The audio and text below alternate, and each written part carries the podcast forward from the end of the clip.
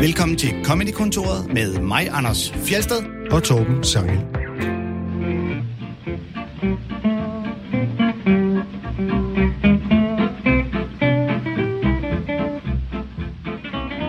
Året går så småt på held, og hvad er så mere oplagt end at kigge lidt tilbage på året, der er gået? Nu har øh, 2020 jo på mange måder været et fuldstændig skrækkeligt år, så her på Comedy-kontoret, der kigger vi tilbage på vores tidligere programmer og lytter til nogle af de klip, vi ikke fik spillet dengang. Og i den her uge, der gør vi det faktisk øh, helt specifikt det, at vi kigger tilbage på de temaer, øh, jeg havde op at vende, mens at øh, du, Torben, lå derhjemme og stenede Netflix-serier og spiste romkugler. Øh, ja, hvis det er det, du forestiller dig, jeg gjorde, så, øh, så ja. Det er jo det helt klart det, jeg har valgt at forestille, hvad du gjorde, mens jeg sad og knoklede Fordi løs. det er det, som du selv ville have gjort, din romkugle fanatik. det, det, det er den forestilling, jeg har om, at hvis jeg skulle stresssyge mellem mig, så skulle jeg få lov at ligge derhjemme og se nogle af de serier, man følte med mig bagud ved. og spise romkugler. Jeg har, jeg har set mange serier. Og det er godt at høre. Øhm, ja, jeg var jo øh, tidligere på året i den skrækkelige situation, at jeg var helt alene på pinden øh, som vært her på programmet. Og det er vi øh, mange, som har snakket om, faktisk var lidt ubetænkt som er der, Torben. Øh, måske ligefrem egoistisk. Øh, vi er glade for at have dig tilbage. Så jeg skal kommentere på det. nej, nej, det skal du ikke. Du skal bare, du skal bare grine og overbære det og forstå det. Øhm, ikke desto mindre betød det jo, at jeg pludselig øh, selv stod for at øh, finde på temaer øh, til Comedy-kontoret, vi kunne snakke om. Og det var jo meget optur. For øh, så kunne vi endelig snakke om sport i Comedy-kontoret. Ikke? Ja, Den har simpelthen været svær at trumfe igennem hver gang. Du har, jeg øh, tror ikke, vi overhovedet har diskuteret det, men øh, går du bare med den historie? Jeg gjorde det i hvert fald, da jeg havde øh, Mads, Mads Holm som gæst. Øh, der, der var temaet øh, sport. Vi lyttede både til øh, Neil Brennan, vi lyttede til Daniel Tosh, og ikke mindst øh, Brian Regans fabelagtige hestevedløbsbid. Øhm, men der var også nogle bidder, vi ikke nåede. Måske, jeg tænkte egentlig, at vi lige kunne fortælle lytterne en lille smule om, hvordan vi øh, udvælger de klip, vi spiller, når vi, øh, når vi laver Comedy-kontoret. Ja, fordi vi har nemlig en meget afprøvet metode. Øh, Jeg har i hvert fald personligt en... Øh, øh, jeg ved ikke, om det er en metode, men øh, det første, jeg tænker, når vi har valgt et eller andet øh, emne, så tænker jeg altid først, hvilke af de der klassiske clips, øh, jeg tænker, der passer ind. Altså sådan, jeg orienterer mig mod de der komikere eller album, som jeg selv husker helt tydeligt. Øh, og sådan, er der noget af dem, som øh, kunne passe ind? Og hvis der er det, så kommer de ligesom med på listen. Og så begynder jeg at lede lidt igennem blandt øh, komikere, jeg mindes, der kunne have lavet noget. Åh, var der ikke noget med ham her? Og så begynder jeg at sidde og søge lidt på albums og øh, titler og tracks og lytte lidt. Og, øh, og til aller, det aller sidste øh, final øh, udvej, det er YouTube, emnet plus stand-up. Ja. og så se, hvad der dukker op der. Øh, ja, min, altså, min proces adskiller sig ikke. Vi har, jeg tror slet ikke, vi to har snakket om det her, men Nej, min proces adskiller sig ikke meget fra din. Altså ligesom, eller ligesom tænke, hvad, hvad, hvad kan jeg sådan huske? Nogle gange så er der et eller to klip, som bare, det der skal vi have, fordi det er virkelig fantastisk og sådan, ikke? Mm. Øh, og så har jeg så øh, taget en masse noter til stand-up shows, jeg har hørt og set. Øh, det gjorde jeg især en periode, det får jeg desværre ikke gjort så meget mere. Men så kan jeg ligesom søge på nogle søgeord i min øh, i Evernote der, ikke? Og så nogle gange gør jeg også det, som du gør, nemlig går en tur ud på YouTube og ser, hvad ligger der egentlig der? Fordi dels kan der være noget, som man bare har glemt eller overset, og dels så kan der være noget med nogle komikere, man ikke kender. Vi har jo jævnligt komikere, som vi ikke kendte i forvejen, der popper op i vores, øh, i vores programmer her. Ja, ja, for det er jo også det, der nogle gange sker, at man bliver præsenteret for en ny komiker, man ikke kender før. Så hører man et album, og så er der nogle bidder, hvor man tænker, oh, lige den der bid er god. Det kunne faktisk være et emne. Og så bygger man emnet op ud fra en specifik bid, man har valgt. Det er også sket på gang, ja. Ja. Øhm, men, men for eksempel, altså, jeg kan jo sige, med hensyn til sport, nu, øh, nu valgte jeg jo, da Mads var gæst, så, så skal det være sport. Nu skal vi have nogen, der snakker om sport. Så øh, der var det jo helt oplagt først at spille øh, Jerry Seinfeld, fordi han har en super klassisk bid på I'm Telling You for the Last Time, som er et af de comedy-albums, jeg oftest orienterer mig imod, fordi det var et af de, et, blandt de første, jeg lyttede, og jeg har lyttet til det rigtig, rigtig, rigtig mange gange. Og jeg tænker, det er ligesom øverst på, på kanonlisten over comedy-albums. Øh, af samme årsag kom det så sidst i rækken, øh, så det var et af dem, øh, vi ikke fik lyttet til, fordi øh, Mads Holm, han snakker hele tiden. Er du sindssygt, han snakker ham, Mads, man har du lagt mærke til det egentlig? Er han vaccineret med en gramofonnål, eller, eller hvad sker der lige? kommer der nogle anti og siger, det må man ikke gøre, når man kan få en sygdom. Øhm, men ikke desto mindre, så tænker jeg, det var derfor, vi skulle starte med at lytte til øh, Jerry Seinfeld øh, fra I'm Telling You for the Last Time, hvor han øh, snakker om øh, olympiade. Det kommer her. I was in London uh, about a month ago. The World Cup was going on. I enjoy any sporting event where nations get involved. I find that the most exciting. The Olympics is really my favorite uh, sporting event, although I, I think I have a problem with that silver medal. I think if I was an Olympic athlete, I would rather come in last than win the silver. if you think about it. You know, you win the gold, you feel good.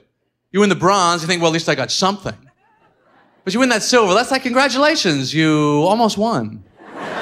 Of all the losers, you came in first of that group. You're the number one loser.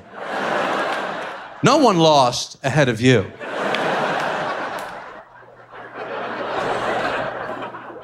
And they don't lose by much. You know, these short races, three hundredths of a second, two hundredths of a second. I don't know how they live with that the rest of their lives because you got to tell the story.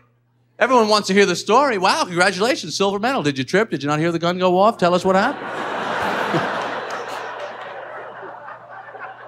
it's a hundredth of a second. You know, people say, "What was the difference in the in the margin there? What was it?" Well, it was like from now. It was like from now, now to now, now, now to now to now, now, now to now, now, now, now, no, no, no. Eh, that was it. Eh, eh, That was. Oh. I trained, I worked out, I exercised my entire life. I never had a date, I never had a drink, I never had a beer. I was doing push ups since I was a fetus. I flew halfway around the world. Everybody I knew in my whole life was there. The guy shut out the gun. Eh, oh.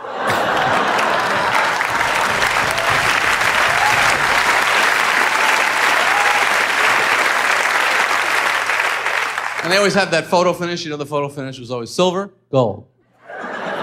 This is the whole race gold, silver, bronze, dead last.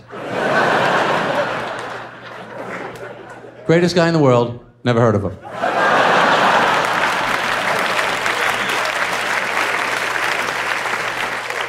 You know, guys got to be thinking if I had a pimple, I would have won. Vi skal måske sige til lytterne, at sidst her, hvor han taler om målfotoet, der tager han ligesom øh, simpelthen bare hovedet lidt frem og en lille smule tilbage, og en lille smule længere tilbage, Ja. for at vise, hvor tæt de er på hinanden. Man antager, at det må være 100 meter løb, vi taler om, ikke? Sådan en typisk, øh, ja, typisk målfoto, der hvor man kan se, at den ene lige har næsten lidt foran den anden netop. Ja. Det er jo... Øh, altså det, er jo, det, det er jo ret klassisk, det der med at tage det omvendte syn øh, på noget, vi alle sammen beundrer. Ikke? Øh, normalt vil man tænke, sølvmedalje, og det er rigtig flot. Og så vinder Seinfeld lige om at gøre det til, kæft hvor det dårligt. Men jeg har hørt den her idé før, som jeg ikke er enig i, nemlig at det er nederen at få sølvmedalje. Det har jeg aldrig helt forstået. Jeg har altid haft stor respekt for nummer to, og synes, det var enormt fedt at være nummer to. Og nu har jeg, jeg har set meget øh, cykelsport i en periode, og jeg synes altid, at... Øh, eller i hvert fald tit synes jeg, at nummer to var mere interessant, nummer to og tre var mere interessant end Indurain eller Armstrong, der bare var sådan en maskine, der bare ligesom kørte øh, øh, i mål. Men så var det var sådan nogle Pantani og Rumminger og sådan nogle. Det var, det var de sjove, altså. Og det var dem, jeg holdt med altid. Jeg holder altid med runner-up. Altså, jeg holder altid med udfordreren og til den... Jeg holdt heller ikke med Bjørn Borg. Jeg holdt altid med dem, han spillede med og sådan noget. Okay, så du holdt med øh, John McEnroe? Ja, selvom han var godt nok en idiot, men alligevel. Ja, men, men det er jo rigtigt nok, men, øh, men det er jo mere sådan en ting, man, man godt kan lide at holde med underdog, ikke? Man øh, står jo i opposition til ham, der tror, han er den bedste. Men at være den næstbedste i verden, eller til OL, det er sgu også ret fedt. Selvfølgelig er det nederen ikke, at man bliver den bedste, men altså, at det der ideen om, at det, øh, det er værre end at komme sidst, eller slet ikke at få en medalje, det forstår jeg slet ikke. Jeg synes, det er det ikke. Det er bare det, er det kæmpe bedste. stor ære. det er det bedste af dem, der er dårlige. Ja, ja, det ja. og det ved jeg godt, og det siger han jo. Men øh, nej, men øh, altså, i øvrigt så er sølv også smukkere end guld, synes jeg. Men det er sådan en helt anden snak.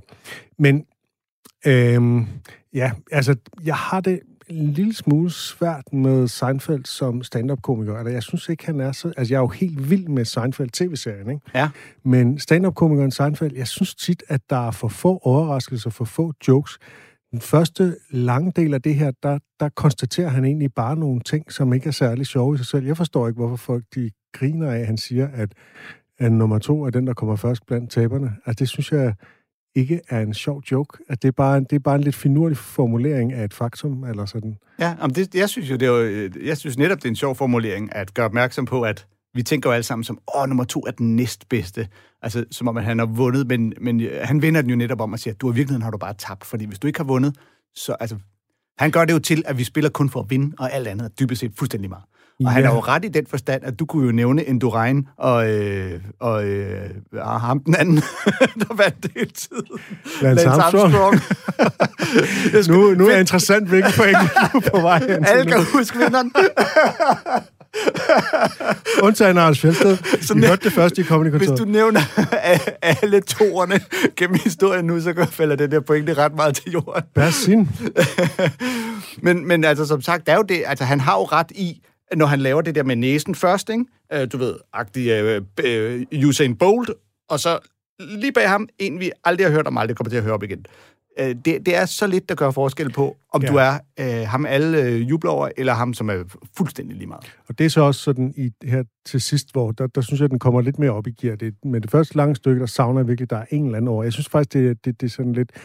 Og det, i det hele taget, at Seinfeld tit bevæger sig på grænsen til det banale, hvor Mm. at hans jagttagelser, hans observationer, og jeg ved, vi skal høre nogle bedre observationskomikere øh, øh, senere i dag, så det vil jeg gerne pointere, hvad det er, de kan, som, som jeg synes, han gør for lidt. Altså, han har en sådan, han har en, hvor han laver en, en overdrivelse, ikke? som er det der med, altså jeg har øh, lavet armbøjninger, siden jeg var et foster og sådan noget, ikke? Ja. Øh, men det bruger han faktisk ret lidt, de der greb, som, som tit gør observationskomik øh, sjovt. Synes du, han bruger det for lidt generelt, eller i den her bid? Øh, begge dele. Okay. For jeg, altså, jeg, kan, jo, jeg kan jo sådan helt øh, personligt referere til øh, Camilla Martin, som jo stadig i dag kan bande og svogle over, at hun ikke fik OL-guldmedaljen. Hun fik kun sølvmedaljen. Ikke? Hun vandt, jeg ved ikke, hvor mange Danmarksmesterskaber, verdensmesterskaber. Den der sølvmedalje, den nærer hende stadig. Og hvis man skal drille hende, det øh, gør jeg nogle gange, når jeg ser hende, fordi hun ikke vil være med i min fodboldpodcast. så er det vel lige sådan, øh, hvordan gik det egentlig med det der OL? Åh, oh, man kan jo høre den, altså... Der, ja, der tror jeg, hun er sgu lidt af på, øh, på Seinfelds hold. Ja. Men nu, at det, nu, det her det handler så ikke om, at jeg var uenig med ham, men, Mm. men mere i, at jeg ikke, jeg ikke synes, det er så sjovt, uanset om jeg er enig Okay. eller uenig. Det gælder også de der stand der er i som indledning, som intro til tv-serien i mange af sæsonerne, ikke? Ja. hvor han står på scenen og... Øh, ja, Men har det også noget at gøre med, at han jo er, altså er så old school, er så langt tilbage, at, at han er blevet overhalet af tiden? altså, ja, dengang- og han er blevet overhalet af bedre komikere. Det synes jeg er så tydeligt, når man ser hans Mm. seneste show, som vi har spillet et klip fra, at jamen, altså, observationskomik er bare blevet, altså, det er bare blevet bedre, det er Mm. blevet hurtigere, der er kommet flere jokes, vi skal høre Jim Gaffigan. Altså, det, det, det, han kan bare nogle ting, som jeg ikke synes... Altså, Jerry har ikke udviklet sig siden Nej. 80'erne. Nej. Øh, Nej, det er selvfølgelig og rigtigt. jeg ved godt, han har været med til at skabe den her genre, og det er rigtig, rigtig fint, og han kan nogle ting, og han har også en, altså vi har talt om det, han har en god rytme og alt sådan noget. Mm. Øh, jeg synes bare, jeg mangler lidt på jokefronten. Okay. Men øh, nu bragte du øh, Jim Gaffigan på banen. Fordi når jeg leder efter joke, øh, efter klip til et specifikt emne, hvis vi tager et helt specifikt emne, så øh, skynder jeg mig altid at kigge igennem Jim Gaffigan. Ikke mindst fordi hans tracks er altid navngivet utroligt præcist. så er der noget om den her type mad, så er noget om en anden type mad, og så er Lige noget om præcis, en tredje ikke? type mad, og så På, er der en øh, lille smule om sport. På King Baby er der et, øh, et øh, bid, der bare hedder bowling, så man ved, hvis man er ude efter noget om sport, så tænker vi da lige bowling, og så ved man også, at hvis den hedder bowling, så kommer der til at være jokes om øh, bowling, og så kommer han til at øh, vende det emne på alle lederkanter og malke det knasetørt for bowling jokes. Øh, lad os prøve at høre det. Kom her. I've had so much fun here. I have. I went bowling. I don't mean to brag. Really, there are two types of people that go bowling. There are people that really, really love bowling. And then there are the people that are like, wouldn't it be hysterical if we went bowling? Because for most of us, bowling is the activity you do after you've done everything else. It's like, well, we could go bowling, or we could just hang ourselves. Why don't we go bowling? No one's ever jealous when they hear you went bowling. Oh, you went bowling? Glad I couldn't make it. Bowling's great. You gotta love a sport you can eat while you play it. Never see that in tennis. Hey, before you serve, let me dig into these nachos. It's a different sport. There's an ashtray built into the bowling equipment. Poker doesn't even have that. And that hand dryer thing, if you're sweating while you're bowling, you're out of shape.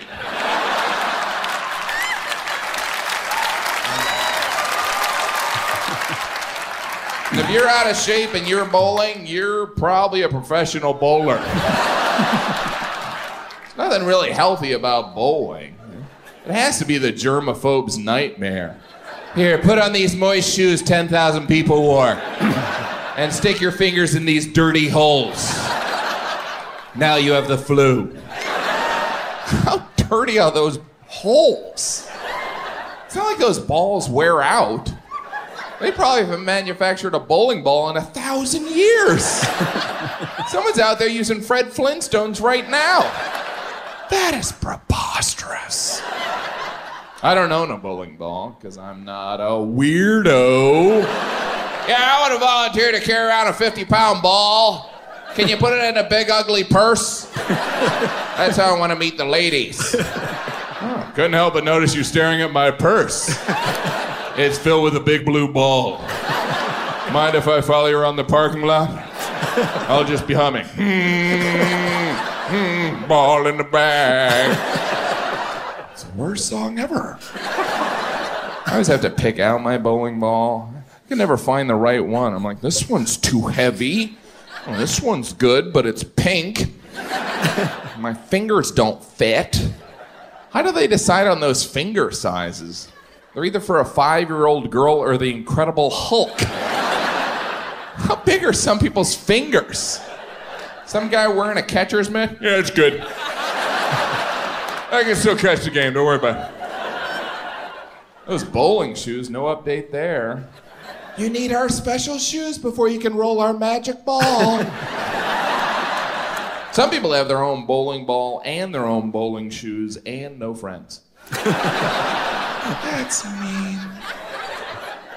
I can say that because I like bowling. I watch bowling on TV because I use my time wisely. I saw this college team championship. Each team had their own coach. What kind of strategy advice is a bowling coach giving? You know what this time, Timmy? I want you to knock down all the pins. you sure? Trust me. Just do it, son! That's weird. Bowling seems silly, but yeah, we all take it very seriously, right? Until we get that first gutter ball, we're like, let me show you how it's done. this is a stupid sport.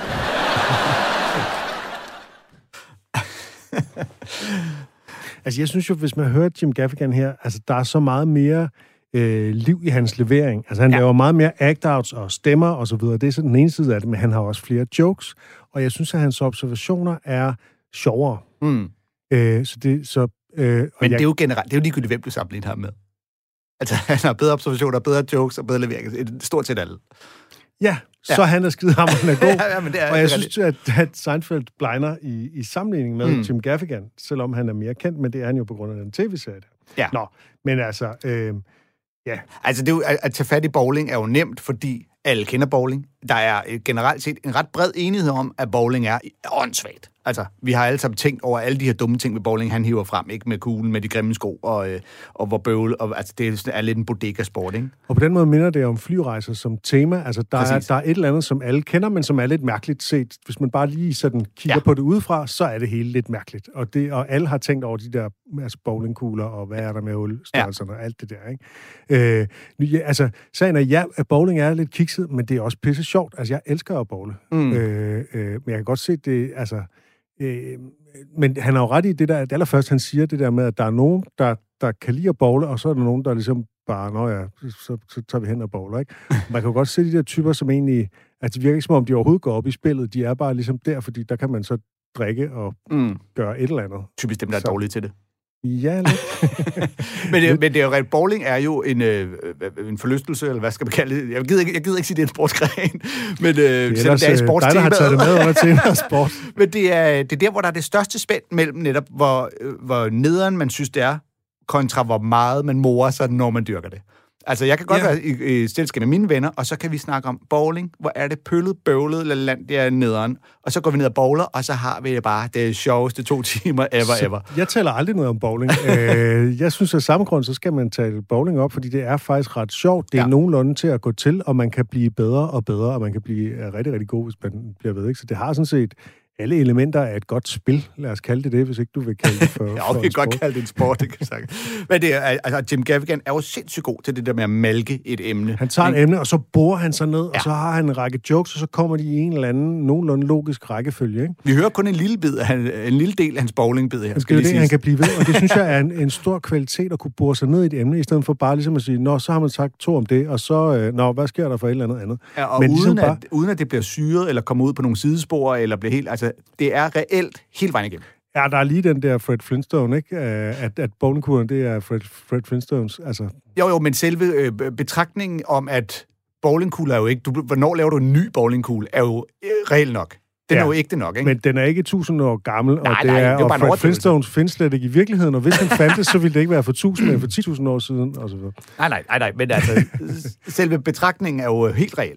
Øh, Observationen om Ja, ja, observationen er helt reel. Du slider ikke en bowlingkugle op. Du kommer ikke hen ser den der lille... hvad, Er det en golfkugle? Jamen, vi har brugt den så meget, så nu er den blevet så lille. Det, det sker jo simpelthen ikke. Øh, de har ikke lavet den der, hvad hedder det, lightbulb theory, hvor bowlingkuglen skal gå i stykker efter noget tid, så du er nødt til at købe ja. en ny. Øhm, jeg kan også godt lide, at, fordi han kan jo slippe afsted med at sige, I don't own a bowling ball, cause I'm not a weirdo. Øh, altså, det, det, det, så starter han sætningen, hvor nu lyder som om, nu skal han lige sige noget seriøst, om hvorfor han ikke har det. Og så selvfølgelig har han ikke tænkt sig at sige noget seriøst, fordi der, kommer altid en joke i stort set hver sætning, ikke? Og det er lige efter, han har sagt, øh, hvor ulækkert det er at genbruge bowlingkugler. Og det kan vi jo virkelig forstå i de her coronatider. Altså, der er det, Ja. ja. altså tanken om at skulle stikke fingeren i en bowlingkugle lige i øjeblikket, den er faktisk sådan lidt øde. Det kan ja. jeg godt mærke, ikke? Jo. Det har jeg aldrig ikke tænkt så meget over, før han er øh, fan. Altså, vi skal alle sammen have lidt øh, bakterier og lidt virus og det ene og det andet, ikke? Men nu er det sådan ligesom om, uha, Ja. det, det, det går jo op for en, hvor, hvor klamt det faktisk er. ja. Så kan jeg også godt lide, at hans, det er meget, meget Jim Gaffigan-agtigt, at hans grund til godt at kunne lide bowling, det er, at det er en sport, man kan dyrke, mens man spiser. Altså, Ja. øh, hvis man kender Jim Gaffigan, ved man, at han elsker mad, og halvdelen af al hans stand-up handler om mad. Ja, og, øh, og- det er jo kendetegnet ved de her bodega-sportsgrene, altså dart, billiard, øh, bowling og den slags. Ikke? Og så det, han netop, som du siger, han, øh, han laver overdrivelsen i den her bid, hvor han netop snakker om det er Fred, Fred Flintstones bowlingkugle, øh, fordi den er så gammel. Og så senere kommer forklejnelsen, hvor han snakker om træneren øh, inden for bowling, ikke? hvor han siger, at trænerens job, det er jo bare at sige, vælt alle kejlerne.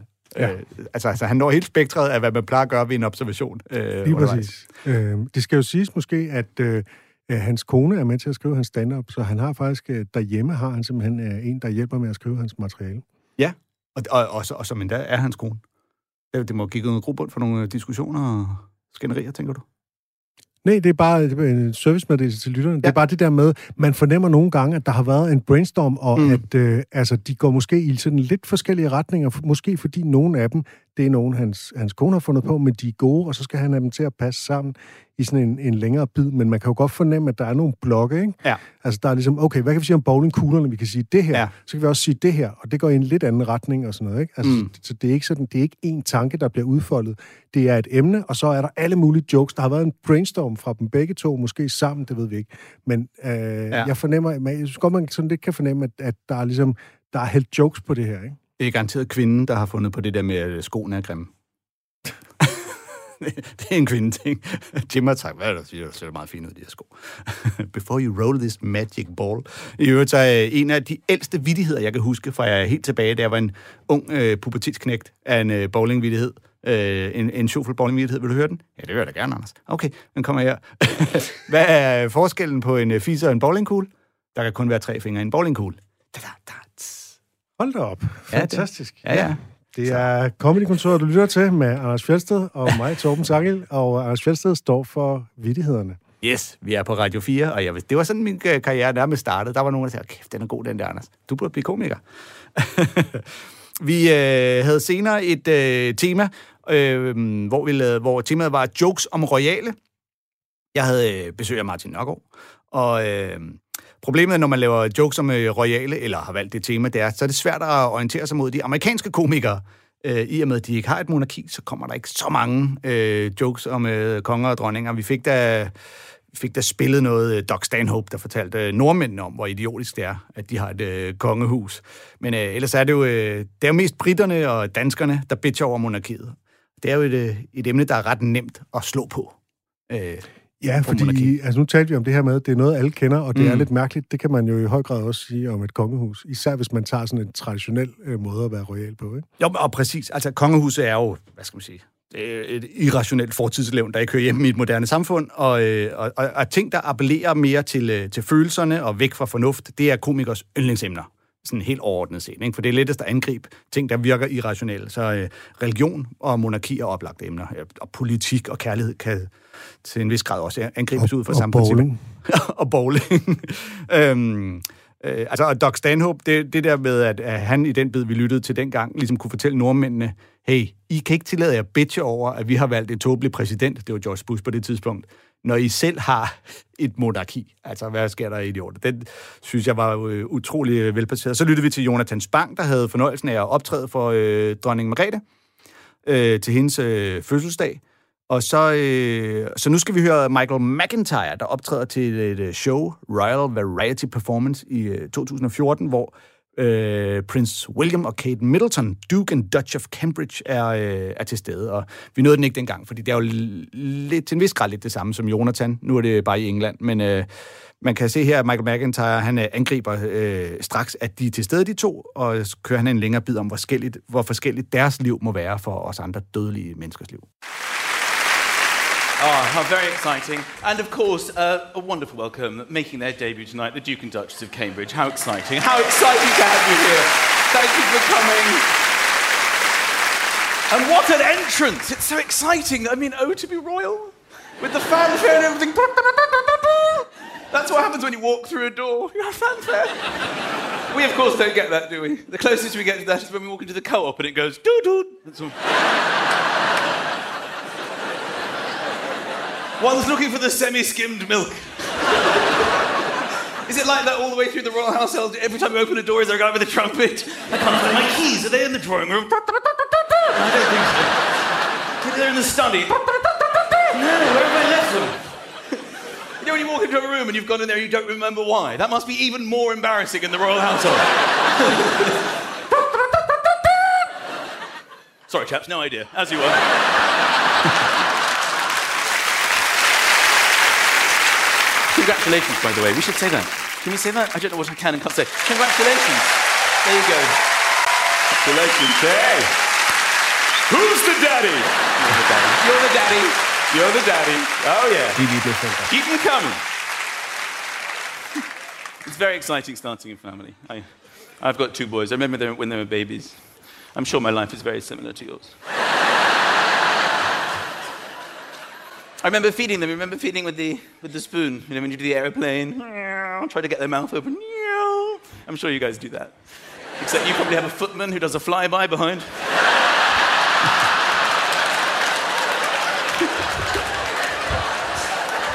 Maybe a whole load of red spoons.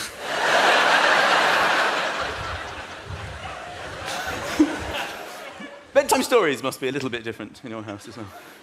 I love doing bedtime stories, but it must be tough for you, you know, fairy tales. Hmm.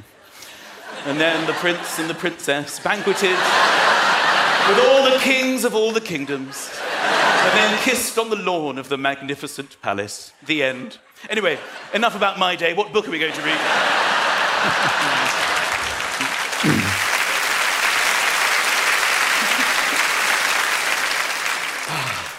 trying to put the baby to sleep. Oh, we've all been there, right? Yeah, get him down. Is he down? Shh, I think he's asleep. Falls asleep on your shoulder, put him in the bed. He's gone, he's gone. He's gone, creeping out of the room. He's gone, shh, he's gone. Slowly opening the door. oh, God! I thought you guys had talked off.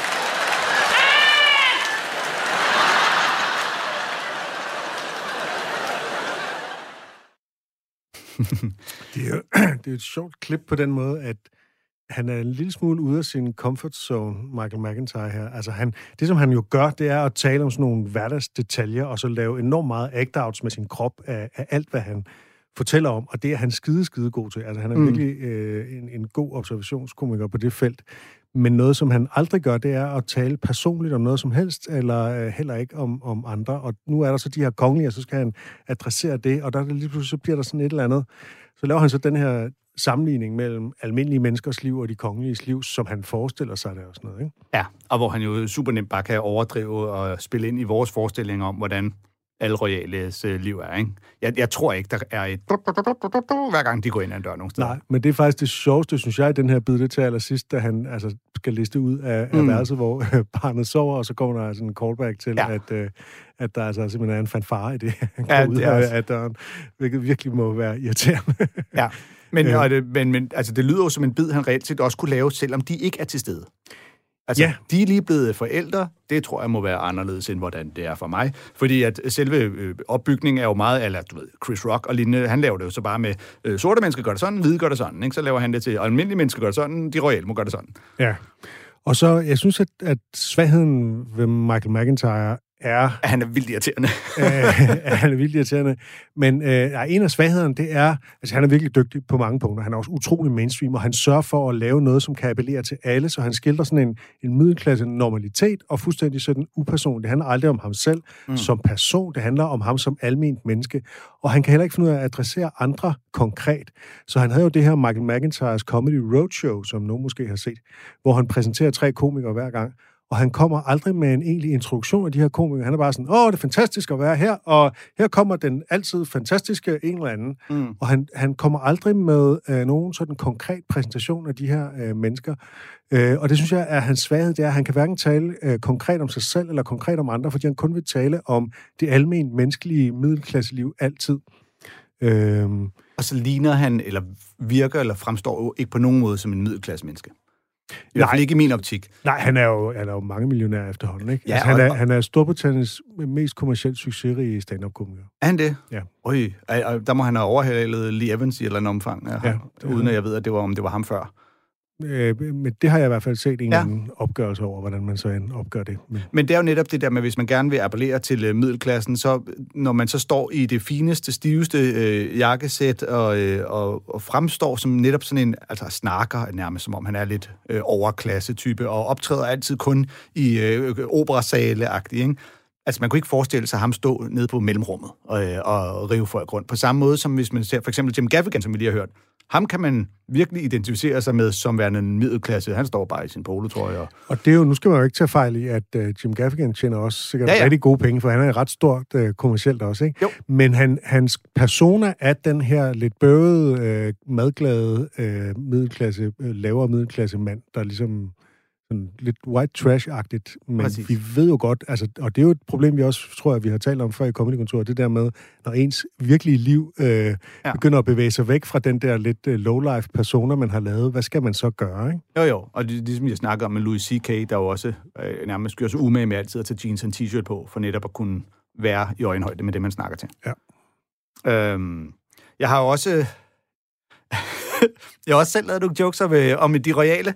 Øh, det er der ikke øh, for ja. fint til. nu skal vi til en af de helt store komikere. Nu skal vi virkelig til det, ikke? Det er også fint, jeg lige har sagt, at det er så nemt for komikere bare at lave jokes om øh, de royale, fordi bla bla bla.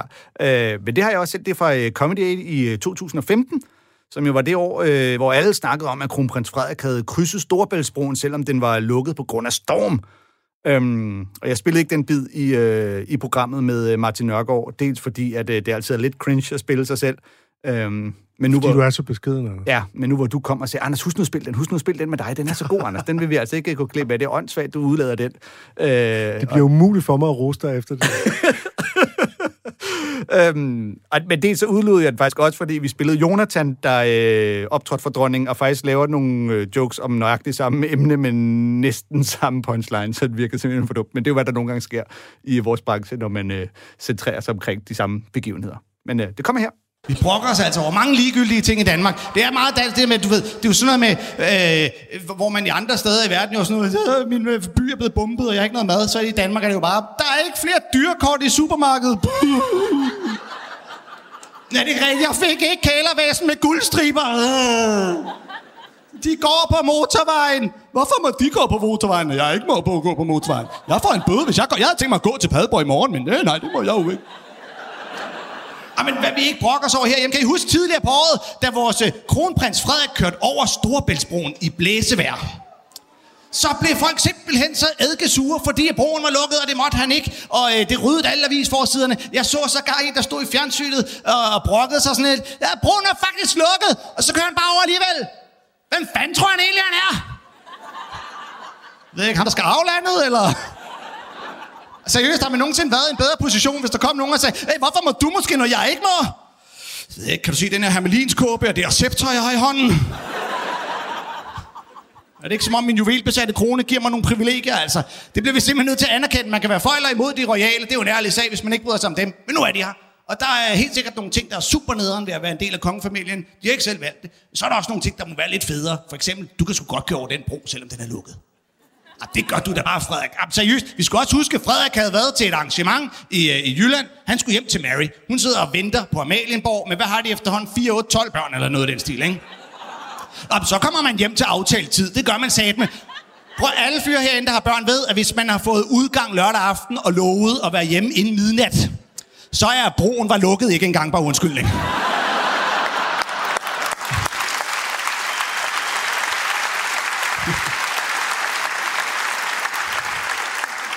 Den slipper man bare ikke afsted med. Slet ikke over for Mary. Hun har bare stået, at broen var lukket, siger du. Ja, klart mig, Frederik, klart mig. Hvem plejer at åbne broerne her i landet? Har du glemt en saks, eller hvordan? Altså. Jeg hvis hans magtmisbrug ikke bliver vildere end at krydse en bro i blæsevejr, er det så ikke en lille lort, vi godt kan æde, hva? Hvis han som vores kommende monark, en, øh, vores kommende regent, simpelthen øh, ikke gør det værre, end at lige køre over broen, når den er lukket, så tænker jeg, at det er okay. Hvis man ser på, hvad magthaverne i andre lande bruger deres magtbeføjelser til, altså hvis man kigger på Berlusconi, eller Assad, eller Putin, tænker man, Frederik, du kører bare over den bro. Og hvis du har glemt noget, så kører du bare tilbage og henter det. Jamen seriøst, mand. Der er jo lande, der skal du bare være katolsk præst, før du har carte blanche til at knippe små alderdrenge, altså. Synes jeg måske kører over broen af en lille detalje, men folk bare, det kan han ikke. Det var faktisk, fordi det blæste rigtig meget. Tænk, hvis han var blæst lige ned i vandet. Ja, hvad så? Han er frømand. Han er den sejeste dansker, der overhovedet er, mand. Hvis han var røget i vandet, han havde bare svømmet i land, altså. Jeg tror ikke engang, han har svømmet lige i land. Han har svømmet hele vejen rundt om. Bare hoppet op på, på kajen på Amalienborg. Mary, så er jeg hjemme. Find et håndklæde, jeg skulle blevet lidt våd. Har sikkert stået nogle andre på Amalienborg Slotsplads bare. Vi har stået her hele dagen, det er totalt lukket, man kan slet ikke komme ind. Men gæt hvem der bare været lige ind ad hoveddøren. Ej, hvor er der forskel på folk. Det været en stor fornøjelse at optage for jer, især for dig. Tusind tak skal I have. Godt nytår. Nå, Anders Fjeldsted, hvordan er det at høre den her bid? Ja, kæft, det er godt, mand. Det er, fandme, det er jo det er helt utroligt, man kan sidde i det her program, og man ved nærmest ikke, hvor man skal sætte en finger ned på. Skal måske lige sige, at til sidst siger, øh, øh, det har fedt optræde for, især for dig, der sad en kvinde forrest, ja. lige midten, som bare grinede, altså sådan hysterisk spontant af alt under hele øh, det, det comedy show. Hvilket du kommenterede tidligere. Ja, i i, øh, i starten, der nævner jeg det nemlig indtil flere gange. Man kan også høre det lidt. Jeg så dig jo lave den her bid inde på Bartov som, øh, på Open Mic som, øh, som forberedelse til, at du skulle lave det her. Ja. Kan du huske det? Nej, nej, jeg må indrømme, jeg kan sgu ikke huske alle de open mics, jeg, jeg lavede for fem år siden. Kan du ikke det? Nå. Nej. Men, øh, men, øh, men der var ligesom, øh, der var mange af de her jokes, men jeg tror ikke, de alle sammen var på plads, og jeg er ikke sikker, jeg tror faktisk ikke, den der afslutning, du laver med callbacket, hvor han går ind på Amalienborg, Åh, oh, nej. tror jeg faktisk ikke, du havde endnu, men den synes jeg er meget elegant, fordi du ligesom får koblet, øh, altså du får lavet et callback tilbage til det her med privilegiet, ikke? Og Jo. hvis ikke det er, øh, og det der med, at jamen, så bliver det privilegium, at han, at han får lov til at gå, gå ind der, hvor han selv bor, Ja. øh, det synes jeg er meget, meget fint. Og jeg synes også, at den her, at broen er lukket, du er ikke som en, øh, en undskyldning, synes jeg også er rigtig sjovt. ja, og, og det- er jo sådan en især, øh, som nogle fædre kan genkende, ikke? Ej, hvor har man tit været i byen og tænkt, nå, sidste bare, jeg har lovet at være hjemme. Åh, hvad kan vi finde på? Hvad kan vi finde på? Så laver du også den her øh, tegneserie-agtige øh, at forestilling om de kongelige, ikke? med hermelinskåbe og scepter, som jo er sådan noget, man ser på spillekort. Ja. Og som jo, altså det er jo sådan noget øh, Henry VIII og sådan noget, ikke? Ja, ja. Øh, som ligesom skal vise kongens magt, og som en eller anden gang havde en effekt, men i vores dage bare lidt fjollet ud. Det engelske kongehus bruger dem jo stadig ved ceremonier. Altså, øh, der sidder de stadig i hermelinskåber og med scepter og krone på og sådan noget, ikke? Ja. Men øh, jeg synes aldrig, jeg har set det sådan. Du har aldrig set Frederik tøffe rundt Nej, han tøffe rundt med sin hermelinskåb. I på sin Christiania-cykel. Men det er sjovt, for jeg kan huske, da jeg open med det her, der var der faktisk, øh, der startede med at sige, når jeg så sagde, og et scepter, så holdt jeg som om, du ved, jeg kan huske, at man ja. Ja. tit har de sådan en kugle i hånden med et kors Det er jo et guldæble. Nemlig, og der, der kan jeg huske, at Mattesen Kan du kom- ikke dine regalier, Anders? Nej, tydeligvis ikke. Der kom Mattesen nemlig hen og sagde, nej, nej, scepter, der skal du, du er nødt til at holde det den stav, øh, et scepter er. Og så, Det, nå, ja, det er stammer også tilbage fra de gamle egyptiske faraoer, som altid havde sådan en stav, når de øh, holdt, holdt ceremonier, og det blev så til sådan et, et guldscepter, som der så kom et kors på med kristendommen. Sådan. Okay, ja. For jeg synes, øh, det fysiske billede af at stå, som om man holder guldæblet, er, ser bedre ud, end bare at stå og holde den der stav. Men det er jo selvfølgelig rigtigt, det spiller jo ikke i forhold til det, jeg rent faktisk siger. Øh, Jeg tror simpelthen bare, pointen med det der er, at det skal understrege rigdommen og sådan det over, næsten overjordiske og, Mm. og kontakten til Gud. Og der er også noget med kronen, er også sådan en markering af, at man øh, der ligesom kun er Gud over en eller sådan et eller andet. Okay, ja. Det er sjovt, fordi jeg... Øh, øh, Thomas Vivl, øh, stand-up-komikeren, han havde på et tidspunkt nogle jokes også om, øh, om de royale, om øh, kronprins Frederik, som jeg længe har grinet utrolig meget af. Vi huske, vi snakkede lidt om dem sammen og jammede lidt om dem. Øh, fordi han har en søn, der har gået klasse med kronprinsens øh, søn, som hedder Chri- Christian. ja, han har også mange. Så det er en af dem. Men øh, Det jeg ikke styr på. ja, det er på den der øh, skole op nord for København. Øh, og der Vivl fortalte om det der, hvad han snakker med, når man... Altså, så er der jo legeaftaler, eller øh, fødselsdag, hvor man jo så skal hente sine børn på Amalienborg. Og de er jo rimelig meget nede på jorden på mange områder, øh, Frederik og Mary. Men så fandt, vi, altså, det, så fandt jeg på de her jokes om, når der så var fast lavn, så, så det der med at blive kattekong og kattedronning, var der en fra klassen, der ikke gik helt så meget op i, som de andre. Både det der med, nej, du får en krone på, og jeg skal lige have min anden krone af først. Eller, du ved, ah, kan jeg ikke få min bodyguard til at slå til tynden for mig? Og det, det har jeg altid synes, Kommer der en mand i bjørneskinshuer og skal slå. har bare hjerner til den der tynd. så øhm, øhm, vi havde også et øh, tema, øh, mens vi øh, savnede og manglede dig, øh, Torben, der handlede om bacon. Ja, Øh, et meget, meget specifikt tema, men øh, vi, vi har jo øh, også to også ofte snakket om, at vi burde lave et madtema. Ja. Men Øh. vi tager simpelthen bare madvarerne en efter en, så laver vi en om mælk og en om Jamen, det var, øh, trøfler. Det var faktisk det, jeg, øh, jeg opdagede, at øh, jeg fandt ud af, at om, hvis, vi, hvis, hvis man skulle lave et madtema, og så sad jeg og kiggede lidt på madjokes, så fandt jeg ud af, altså, alene bacon-jokes er der jo nok til at fylde. Og alene Jim Gaffigans 10 stand-up shows handler stort set mest om mad, ikke? Ja, lige præcis. Øhm, fordi at, øh, jamen, altså, øh, Jim Gaffigan kunne lave et helt show kun om bacon. Det kunne han. Hvis nogen kunne, så er det ham. Øh, han har jo lavet shows, der kun handler om mad. Altså deciderede madshows. Og så har alle hans andre shows, der ikke handler om mad, også masser af madjokes. Præcis. Det eneste, der forhindrer ham i at blive tykkere, end er, det er al den tid, hvor han bruger på at snakke om mad, hvor han så ikke spiser mad. Og så når han sveder, når han bowler. ja. Øhm, så, øh, så selvfølgelig spillede vi øh, noget af Jim Gaffigans øh, lange bacon-bid øh, i temaet om bacon. Øh, en af de bidder, vi ikke nåede, var øh, Jim Jeffries. Han, øh, han kommer forbi bacon øh, hurtigt, øh, om ikke han som en, øh, en reference, men det er i showet øh, I Swear to God, øh, hvor han snakker om religion som er sådan et lille show. Jeg ved, jeg tror, du skal YouTube det for overhovedet at finde det. Øh, men det er et helt specifikt religionsshow, øh, show, hvor han øh, kritiserer det som den superartist, han nu engang er. Øhm, og jeg nåede ikke at spille den i programmet med Fuglendorf. Jeg nåede kun lige at, øh, at nævne den, men nu skal vi altså høre den. Øh, vi kommer ind, hvor han har snakket en masse om kristendom. Svinet kristendom til til højre og venstre, men, øh, og han er jo artist. Men øh, han optræder i USA, hvor der jo er mange kristne, så nu føler han også lige, at han er nødt til lige at slå lidt på nogle af de andre religioner for lige at udligne. Og det er der, vi kommer ind nu. I know I'm in America. I know you people love God and all that. Uh, so let's pick on a few more religions and make it fair. All right? Jews. What's all that about? What's with the curly sideburns? Where in the Bible to say, if thou loves me, thou shalt look like a dick?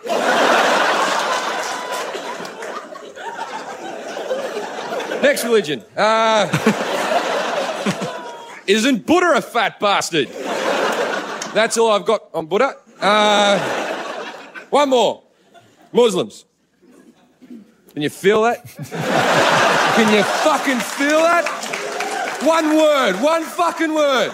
And all your assholes shrunk up and went, oh, oh, make it good, Australia, man. Don't fuck this up. Because you think when I say Muslims, I'm about to be racist, don't you? I'm not racist, I'm a bigot. It's completely different.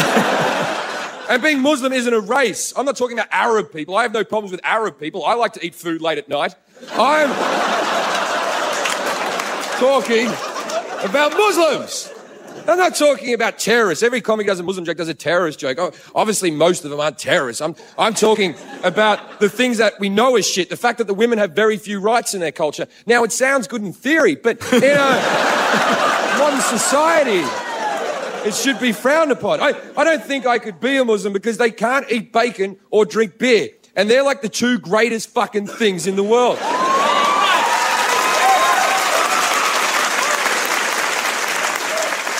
You take bacon and beer away from me, and I'll fly a plane into a fucking building.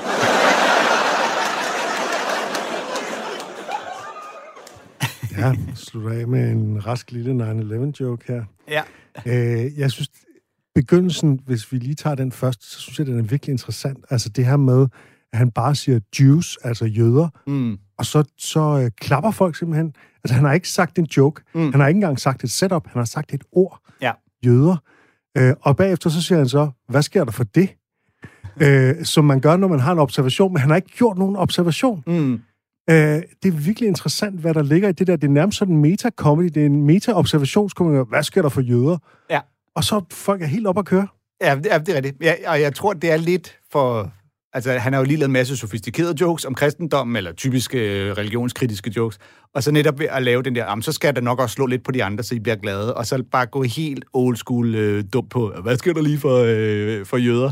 Det er Ja, lidt en, det er øh, bare en interessant, for det er jo før han kommer med Ja. sin... Øh, fordi det, er jo, han så kører på, ja, er jo virkelig overfladisk, det er deres, øh, de der ortodoxe jøders krøller, ikke? Jo, jo, lige præcis. Men der, der, det, jeg tror, det er helt bevidst, at han dummer det ned, fordi at Ja, på samme måde. Altså en, en fat joke om Buddha, ikke? Hvad sker der for Buddha? Ja, er ja. tyk. Altså, for at udstille, hvordan, hey, det, det her handler primært om kristendom, og de her andre ting, det er primært, fordi jeg ved, at I sidder og suger over, at det kun går ud af, over kristendom. Og jeg tror også, det der med, at netop han siger Jews, så er der den der stemning af, ja, du skal også gøre nar af dem. Alle ved, de er lidt specielle og, øh, og har været forfulgt og så videre, men i USA især også, der tror jeg også, de sidder, altså, de fleste komikere er jøder, og de er på mange måder enormt privilegerede og magtfulde mange steder, ikke? Så, så det er faktisk okay, især inden for comedy, at stikke lidt til dem og drille dem lidt. der er bare som regel den der med, at det skal helst være dem selv, der gør det, ikke? Øh, selvfølgelig. Og dem er der, som du siger, så også rigtig mange af, ikke? Så Ja, der ja. er mange jødejokes, men de kommer som regel fra jøderne selv, ikke? Så Jo, jo, det, det er præcis. Lidt. Men, men da han så siger muslimer, så er det jo så faktisk, at der bliver helt stille. Ja, det, det er det, der er så vildt. Og det har han jo forudset. Altså, det er jo, det er jo hans første joke. Ja.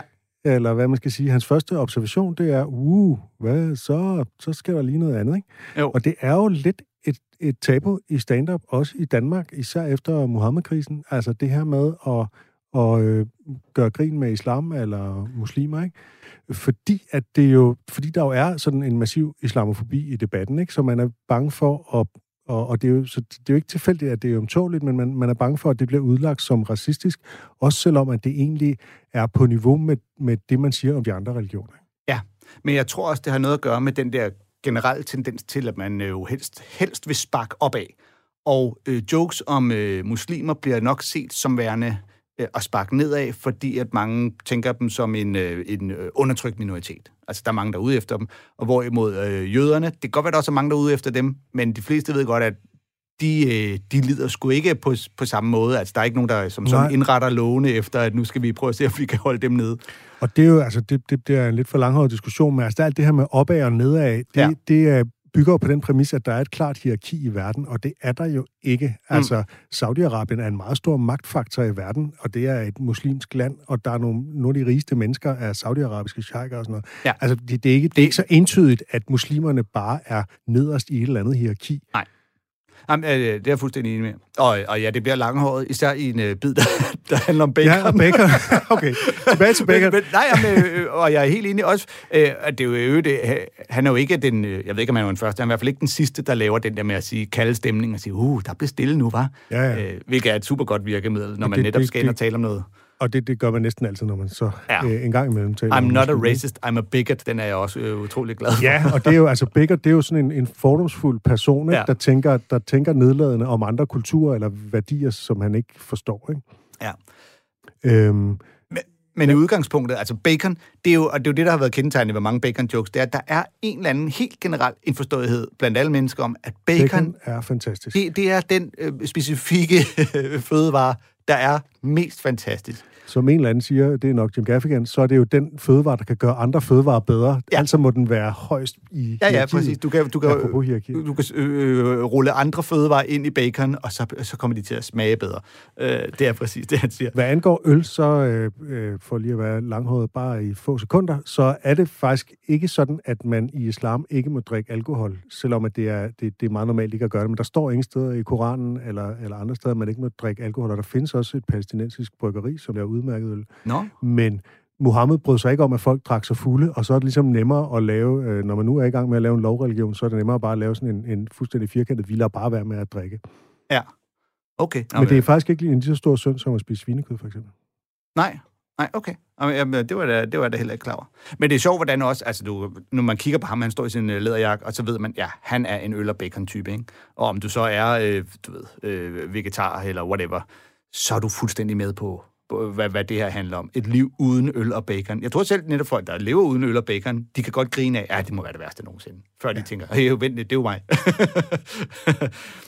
øh, og så synes jeg bare, den der parallel med netop, at han siger, hvis jeg skulle undvære det, så er der ikke noget, jeg ikke vil... Altså, så vil jeg da også gå så meget amok, at jeg vil flyve et fly ind i. Det er fandme et, øh, det er, et hår. Det er også fedt at bare tage religionen og sige, de har ikke gjort det alle de der øh, hedninge hævn ting. De har gjort det, fordi de ikke får øl og bacon. Men det kommer også uventet, fordi man, man tænker lige, nu tager han islam et meget uskyldigt sted hen, nemlig noget med bacon og øl, og ja. så bum, får den lige helt uventet en, øh, en virkelig hård øh, reference. Ikke? Jo. Så, øhm, man, kan, øh, man, kan jo, man kan jo også godt joke med hele den her ting omkring, øh, du ved, hvor optur, øh, hvor, hvor optur bacon er, og så øh, også fordi der, der er også noget, noget lidt pøllet, øh, i hvert fald der, hvor vi efterhånden er nået til, omkring bacon. Altså det der med de der, bacon, man, det er det syvende krydderi, whatever. Det er i virkeligheden lidt bøvet. Øhm, og, øh, og derfor vil jeg gerne spille en øh, bid med øh, Simon Talbot, Mest kendt for sin optræden i Comedy Concert. klart mest kendt for det. Øhm, fra det show, han lavede, der hed Mr. Copenhagen, hvor han netop lige vender hele øh, Bacon er fantastisk ting en lille smule på hovedet. Den kommer her. Men sådan nogle rigtige kliché macho mænd, jeg kan slet ikke forholde mig til dem. I kender godt de der mænd, der siger sådan noget, rigtige mænd, de vil have bacon. jeg forstår, jeg elsker også bacon, forstår at jeg elsker bacon, men jeg mener de der mænd, der har det på t-shirts. Så min første fødte skal hedde bacon.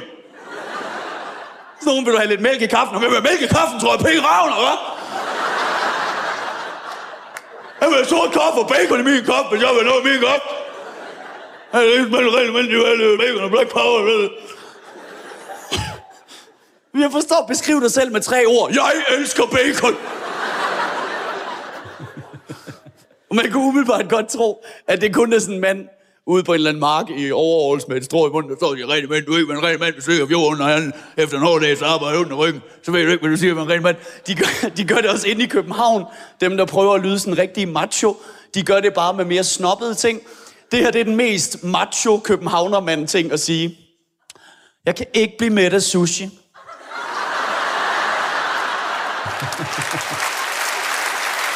Kan? Kan jeg bare, jeg kan spise uendelig sushi, for jeg er så cool. I kan bare bestille 10, 20, 120 stykker. Jeg kan bare blive ved og ved og ved.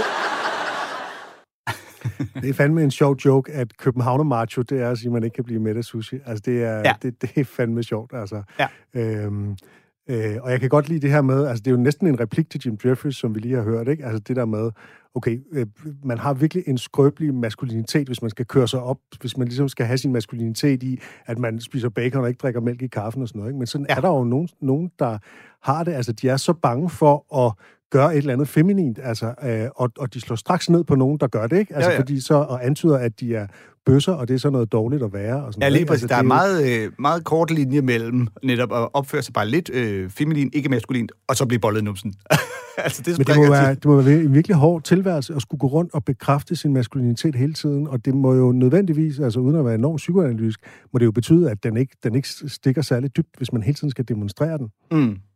Jamen, det tror jeg, du har ret i. Jeg vil så sige, altså, jeg køber fuldstændig ind på den der med de typer, der sådan, ah, simpelthen ikke, øh, sushi kommer ikke med. Jeg har ikke selv mødt dem, men øh, jeg kan sagtens øh, levende forestille mig, det er jo også typisk, at jeg gider ikke sushi, gider ikke. Øh, Men sagen er, at man på en eller anden måde, man genkender stereotypen nok til at forstå den, selvom, at, at, selvom der måske aldrig er nogensinde er nogen, der har sagt det, så forstår man, hvad, hvad referencen er. Ikke? At Ja. det, er, Ja. det er det, som sådan en, en kreativ klasse københavner kan svinge sig op til. Ja. Det er for prullet bare at sige, åh, jeg elsker bacon. Ja, jamen, det er rigtigt. Det er sådan lidt, øh, lidt hipster-smart, øh, også fordi netop i København, der, man spiller på den der forestilling om, at vi er, blevet så, vi er nået forbi det der med, at bacon er, er tjekket og alt det der. Vi, for, øh, vi orienterer os mod sushi, og der er du for fed til at... Øh, og jeg tror også generelt, tiden er flyttet sig fra, øh, det gælder med så meget bacon som muligt, til øh, vi, de fleste af os ved godt, det er faktisk det er ikke super fedt bare kun at æde bacon hele tiden. I øvrigt så et tip til macho københavner, det er, at på Stiksen Sushi, der kan man jo få asparges viklet med bacon viklet rundt omkring. ja, du kan også få sådan nogle grisestiks, hvis du bare vil have kød. Jeg tror, at Stiksen Sushi slår så meget op på, bare roligt, vi har også noget til dig, der ikke gider at ris med fisk på. Uh, nå, øh, Torben, hvor meget har du lyst til bacon lige nu? Rigtig meget. ja, det er det, der sker, ikke? Der, er- der er for lidt bacon i julemad, tænker jeg. Ja, Ja, øh, jamen, jeg, jeg har et personligt sådan, fuck de der kleiner øh, bytte dem ud med noget øh, stegt gris. Få pebernødderne ud af krammerhuset og fyld det med bacon i stedet for. Så vil jeg gerne være med på den der med, nu skal træet spises. øhm, vi, skal, øh, vi skal jo takke af for øh, Comedy-kontoret øh, på Radio 4 for den her gang. Det er, ja, det gør næsten ondt at skulle sige, men det er jo sidste gang, vi sender øh, Comedy-kontoret. I år. Hey. Vi har nemlig fået lov at lave det næste år igen. Hurra! Hurra for os. Det er vi sgu glade for. Det håber vi, I sætter pris på, og vi håber, I vil lytte med øh, i hele 2021 også. Det skal på alle måder helst blive et øh, bedre år. Øh, vi takker af for det her gang. Torben Sangel, Anders Fjeldsted. Ha' det godt! Hey.